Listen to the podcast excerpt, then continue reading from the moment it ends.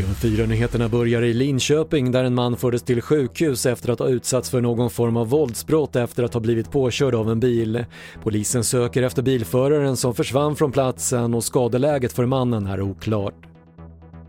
Ytterligare tio personer med bekräftad covid-19 har rapporterats döda i Sverige och därmed har totalt 5 536 smittade personer avlidit enligt Folkhälsomyndigheten. Antalet bekräftat smittade ligger nu på 75 826 personer och mer om det här kan du se på TV4 Play. Idag meddelade Greklands regering att man öppnar för svenska direktflyg från och med nästa onsdag. Det är en vecka senare än det tidigare datumet den 15 juli.